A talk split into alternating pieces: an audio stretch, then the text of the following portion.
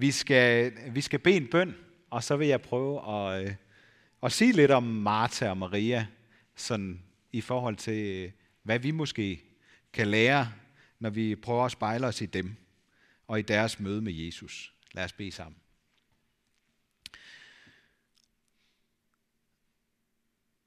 Jesus, tak fordi du møder os i dag, lidt ligesom du mødte Martha og Maria. Tak fordi vi også må få lov at have dig som vores ven og må tro fuldt og fast på, at du også med din ånd kommer til os nu, ligesom du var der med dit nærvær i Betania den dag. Vi forstår det ikke. Vi kan have svært ved at beskrive det. Men giv os troen på, at det virkelig er sandt. At du er her. Og du er. Og du ønsker at være vores og alle andres ven. Amen.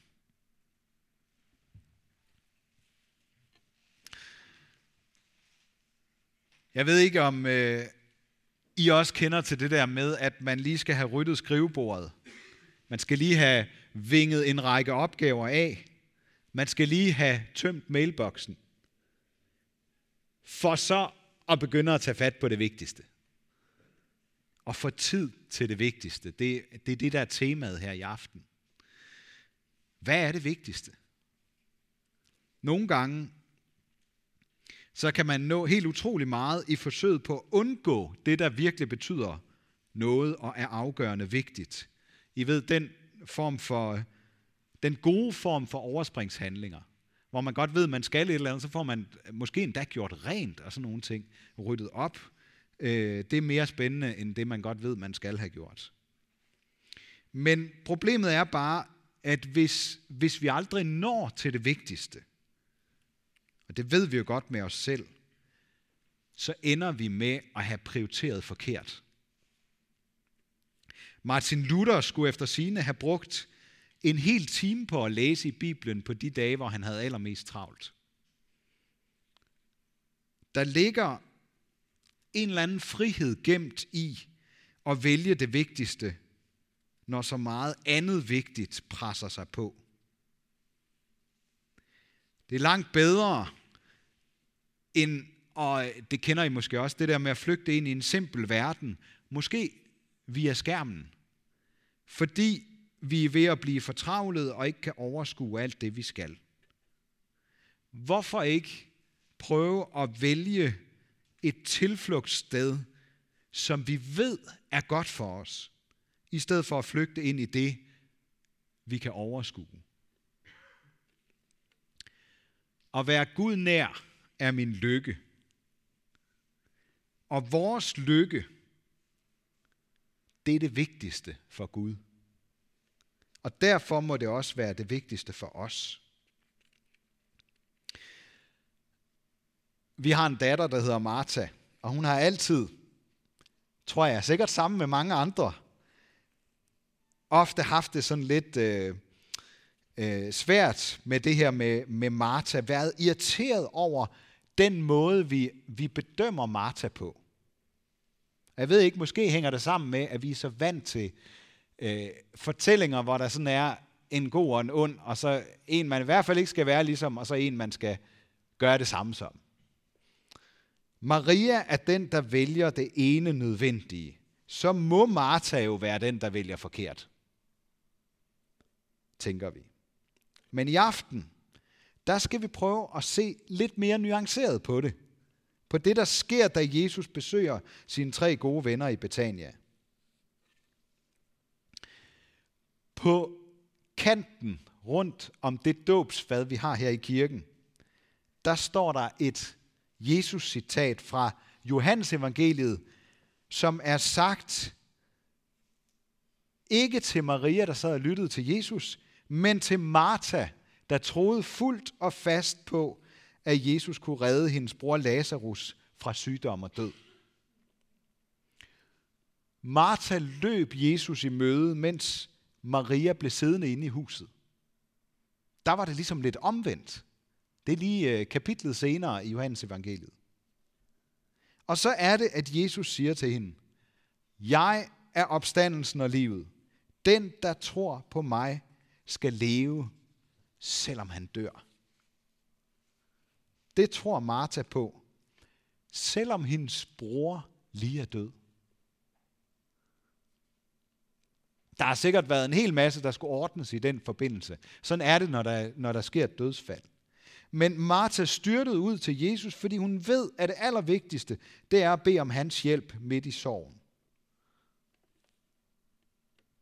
Jeg ved det ikke, men måske lærte Martha noget af den irettelsættelse, hun fik fra Jesus. Du gør dig bekymringer og er urolig for mange ting, men ét er nødvendigt. Eller også så skal vi se Martha og Marias reaktioner som to sider af den menneskelige måde at tage imod Jesus på. Den udfarende og den mere stilfærdige. Jeg tror, vi har brug for begge typer i vores fællesskab. Vi har brug for begge sider i vores relation til Jesus. Martas stærke trosbekendelse og Marias lyttende eftertanke. Hvis vi spiller de to ud mod hinanden, så vil Jesus efter min bedste overbevisning også i rette sætte os, som han gjorde det med Martha, fordi så har vi misforstået noget. Så er vi gået glip af det vigtigste. Så lad os prøve at gå ind i begivenheden og mødet med Jesus, før han kommer med i rettesættelsen. Jeg læste for jer, at Jesus var på vandring med sine disciple. De skulle altså fra et sted til et andet. Og de havde et bestemt mål.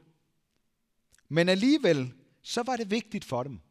Og det var vigtigt for Jesus at gøre stop i en landsby.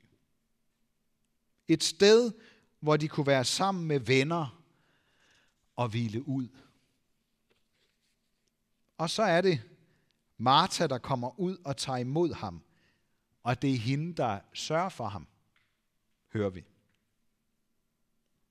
Kan man forestille sig noget vigtigere for et menneske, end at tage imod Jesus, når han kommer på besøg? Kan I forestille jer noget vigtigere? Er lykken ikke at være tæt på ham, der kan hjælpe os bedre, end nogen andre kan? Jeg forestiller mig, at Martha har sluppet alt andet, som hun måske ellers var i gang med, for at tage sig af Jesus og byde ham velkommen. Hendes bedste ven og herre. Og hvis det ikke er sand gudstjeneste, så ved jeg simpelthen ikke, hvad der er. Martha begynder med at holde gudstjeneste da Jesus kommer, for hun tager imod ham, og hun sørger for ham. Hun kan ikke gøre det bedre.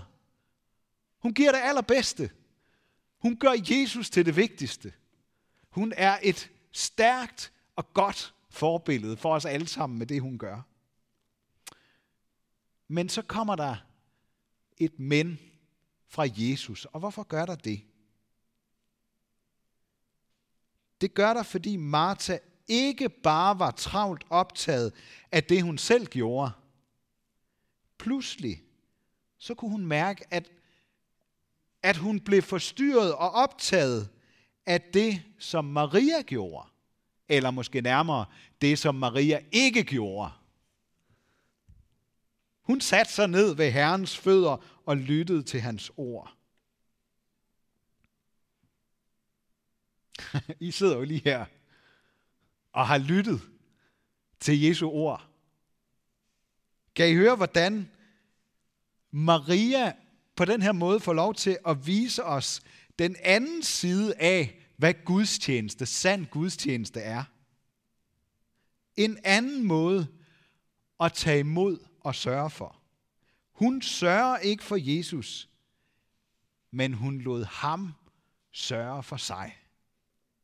Hun lod ham give hende det evige livs ord, som Peter udtrykker det et andet sted i Nye Testamente. Så til sammen, så viser Martha og Maria os, hvad det vigtigste er. Hvor ofte har vi ikke svært ved at gøre det ene, uden at tænke på det andet. Jeg ved ikke, om I kender det. Det er så svært at samle sig om at sidde og lytte, fordi der er så meget, vi skal have styr på. Det er så svært at være travlt optaget af noget, som andre ikke tager del i på den samme engagerede måde. Så bliver vi så let forstyrret og måske irriteret på de andre. Jeg tror nemlig ikke, Jesus er ude på at bedømme Martha og Maria og give dem karakter. Jeg fornemmer, han vil sætte dem begge to fri til at gøre det vigtigste. For da Jesus kom ind ad døren, der var det vigtigste at tage imod ham og sørge for ham. Der var gæstfriheden vigtigst. Men lidt senere, så blev det at sætte sig ned og lytte det vigtigste. Og så sker der det, der også ofte kan komme til at ske for os, at vi ligesom Martha begynder at sammenligne os med de andre. Hvorfor skal jeg gøre det hele selv? Sig dog noget til hende. Jeg offrer mig, mens hun sidder der og driver den af. Vi kan også som Martha blive grebet af det, vi er i gang med, sådan at vi slet ikke opdager, at det, vi har gang i, ikke længere er det vigtigste. Vi skal som noget af det vigtigste sørger godt for hinanden i fællesskabet. Men hvis vi glemmer at lade Jesus sørge for os, så går det skævt.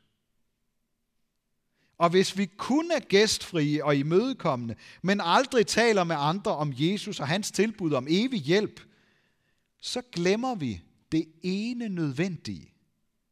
Den bedste del af det at være menneske. Hvor er der meget lige nu i vores tid at være bekymret for og urolig over. Hvor kan jeg ofte have lyst til at flygte ind i en anden verden og glemme det hele? Gætter på, at der også er nogen af jer, der kan have det sådan. Vælger vi det for ofte, så gør det os ikke godt, selvom vi måske får en følelse af at have kontrol i et kort stykke tid. Det er langt bedre for os at sætte os ned og lytte som Maria. Gør et stop på vores livsvandring for at sidde sammen med gode venner og lytte til det ene nødvendige at være Gud nær. Det er vores lykke.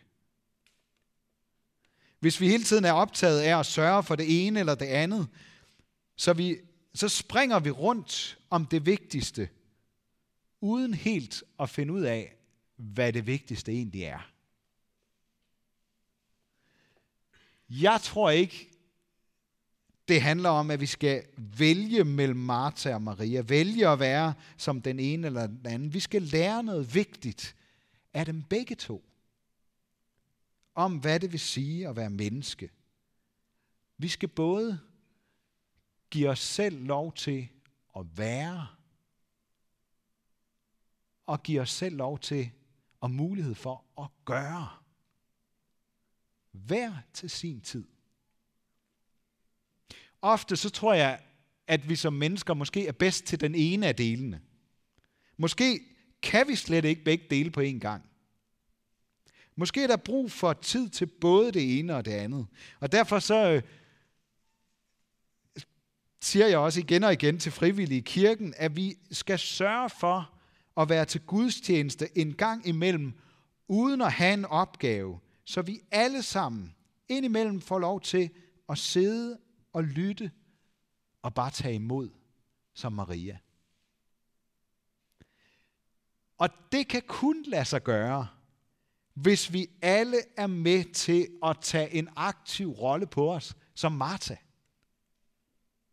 Hun var, kunne man sige, både med i velkommerteamet og nadverteamet den dag Jesus kom på besøg. Og det var først, da hun begyndte at se sig gal på hende, der bare sad og lyttede på en stol, at hun mistede sit fokus på det, der var vigtigst.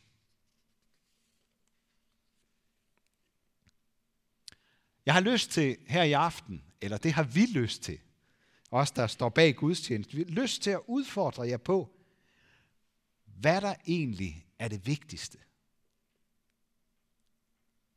Måske er det vigtigste ikke det samme altid. Hvornår har du en vigtig rolle som Martha? Og hvornår tillader du dig selv at sidde og lytte som Maria?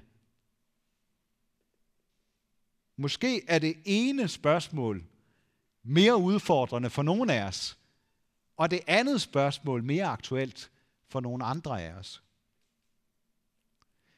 Vi er ikke her for at kritisere og tage noget fra hinanden, men for at give hinanden muligheder.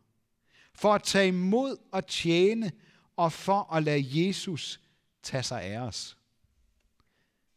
Hvad Jesus skærer ud i pap for os, det er, at hvis al vores gæstfrihed og tjeneste ikke giver andre mulighed for at sidde og lytte til Guds ord, så er det måske slet ikke det vigtigste længere.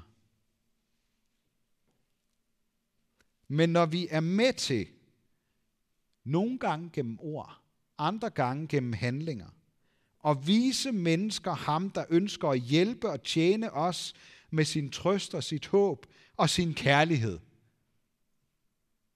så er vi i gang med at gøre det vigtigste. Noget af det vigtigste i mit arbejde som præst, det er at prædike. Så det bruger jeg noget tid på. Men hvis jeg aldrig tager mig tid til at sidde og lytte som Maria,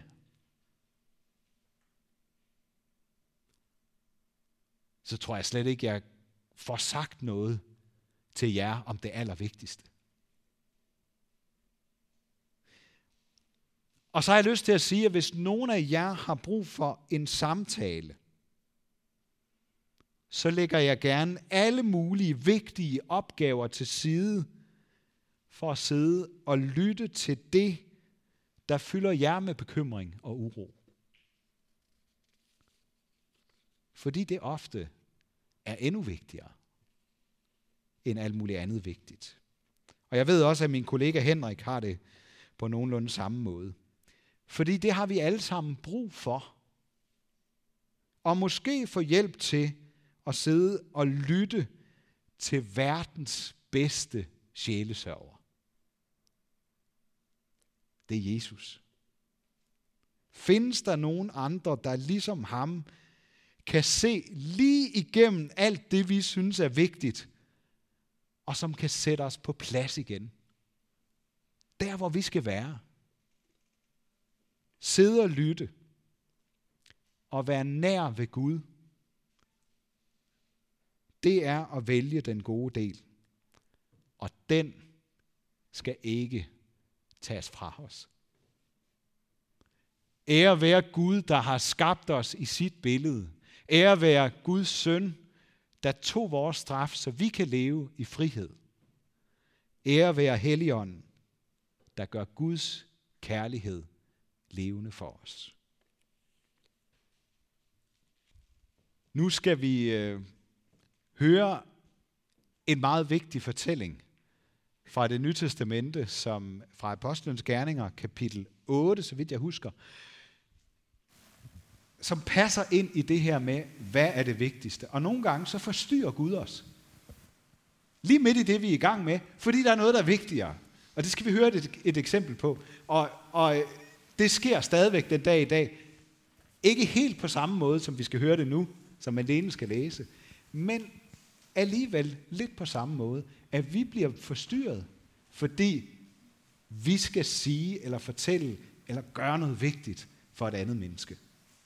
Prøv at høre beretningen på den måde.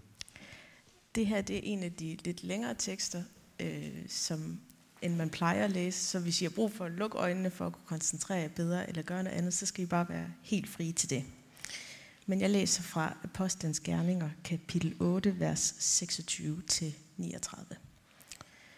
Herrens engel talte til Filip og sagde, Bryd op og gå sydpå af den vej, der går fra Jerusalem til Gaza. Den er øde. Og Filip brød op og gik. Der var en etioper, en mægtig hofmand hos etiopernes dronning Kandake, som forvaltede alle hendes skatte. Han var kommet til Jerusalem for at tilbede og var på vej hjem og sad i sin vogn og læste profeten Esajas. Ånden sagde til Filip, gå hen til den vogn og hold dig tæt op af den. Filip løb derhen, og da han hørte manden læse op, læse af profeten Esajas, spurgte han, forstår du også det, du læser? Han svarede, hvordan skulle jeg kunne det, når der ikke er nogen, der vejleder mig? Og han bad Filip om at komme op i vognen og sætte sig hos ham. Det afsnit i skriften, han læste, var dette. Som et får, der føres til slagning, som et lam, der er stumt, mens det klippes, således åbnedes han ikke sin mund. I fornedrelsen blev hans dom taget bort. Hvem kan fortælle om hans slægt? For hans liv blev taget bort fra jorden. Hoffmann spurgte Filip, Jeg beder dig sige mig, hvem er det profeten taler om her? Er det sig selv, eller er det om en anden? Philip tog så til ord, og han begyndte med dette skriftet og forkyndte evangeliet om Jesus for ham. Mens de nu kørte hen ad vejen, kom de til noget vand, og hofmanden sagde, Se, der er vand. Hvad hindrer dig i at blive døbt? Philip sagde, Tror du af hele dit hjerte, så kan det ske. Han svarede, Jeg tror, at Jesus Kristus er Guds søn. Han befalede, at vognen skulle stanse, og de gik begge ned i vandet, både Philip og hofmanden, og Filip døbte ham. Men da de kom op af vandet, bortrykkede Herrens ånd Filip, og hofmanden så ham ikke mere. Han fortsatte sin rejse med glæde.